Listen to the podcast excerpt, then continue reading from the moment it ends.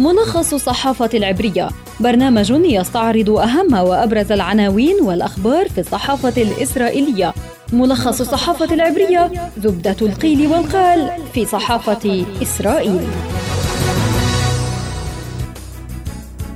أسعد الله أوقاتكم مستمعينا إليكم ملخص الصحافة العبرية يعده يقدمه لكم عبر شبكة أجيال الإذاعية خلدون البرغوثي. وأستعرض معكم أبرز ما جاء في عناوين وسائل الإعلام العبرية صباح اليوم. صحيفة هآرتس تكتب الاستشارات القضائية للكنيست توضح أن طرح قانون المتهم سيواجه صعوبات ونفتلي بنت يقول إن سلوك نتنياهو والمحيطين به يشكل خطرا على إسرائيل. يدعوت أحرنوت عنوانه قبل وصول بايدن سباق مع الزمن في إسرائيل لإنجاز خطوات باتجاه التطبيع مع السعودية. والجيش يستعد للمزيد من التحقيقات في وفاة شيرين أبو عاقل مستعينا بالوحدة 9900 للأقمار الصناعية في شعبة الاستخبارات أمان وبضباط من الشعبة.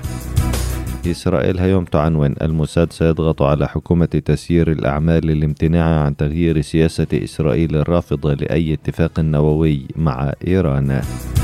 معارف تعنون في الطريق إلى الانتخابات. لبيد يعمل على حل الكنيسة فورا وبنت وشكيد سيلتقيان مرة أخرى.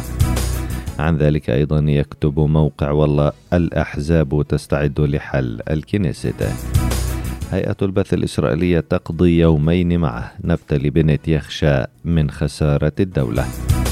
بنت يقول للقناة الثانية عشرة إنه لا يستبعد الشراكة مع نتنياهو وبن كفير مستقبلا. وفي مقابلة مع القناة الثالثة عشرة يقول بنت إن نتنياهو خطير على إسرائيل ويفضل عدم الاعتماد على منصور عباس. قالت صحيفة يدعوت أحرنوت إن إسرائيل وفي ظل الضغط الدولي والتقارير التي تدينها بقتل شيرين أبو عاقل فإنها تسعى إلى تصعيد ردها خاصة في قضية عدم تسليمها الرصاصة التي قتلت شيرين أبو عاقل من ناحية وبلجوئها إلى الوحدة. 9900 للأقمار الصناعية ووحدة العمليات الخاصة في شعبة الاستخبارات العسكرية أمان. لدراسة حادثة شيرين من ناحية ثانية. لكن أداة أحرنوت تقول إن إسرائيل لن تنشر نتائج هذا التحقيق لكي لا يزيد الضغط عليها. أما التحقيق الجنائي في القضية فليس واردا أصلا ما لم يثبت وجود إهمال أو إطلاق نار مقصود من قبل الجيش. في الشأن السياسي الإسرائيلي يستعد يائر لبيد لاحتمال حل الكنيست في أسرع وقت ممكن وبالتالي تسلمه رئاسة الحكومة الإسرائيلية وربما قبل نهاية الأسبوع الحالي. ومن غير المتوقع أن يجري لبيد أي تغييرات في الحكومة الحالية.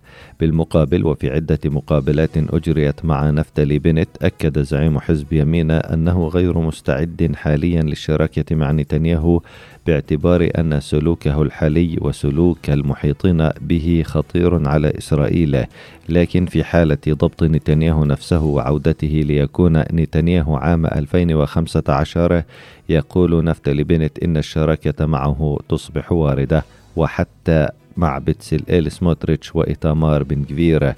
وقال بنت لهيئة البث الإسرائيلية إن حالة الانقسام في إسرائيل ومع اقتراب الحملة الانتخابية تجعله يخشى من خسارة الدولة. وأوضح ذلك بالقول إن نصف الإسرائيليين يقولون إن الحكومة الحالية سرقت الدولة والنصف الآخر يقول الكلام ذاته. وبات الإسرائيليون في حالة قلق وجودي هكذا تبدو بذور الحرب الأهلية. يقول نفتلي بنت. بهذا نصل مستمعينا إلى نهاية حلقتنا من ملخص الصحافة العبرية أعدها وقدمها لكم عبر شبكة أجيال الإذاعية خلدون البرغوثي أطيب التحيات إلى اللقاء.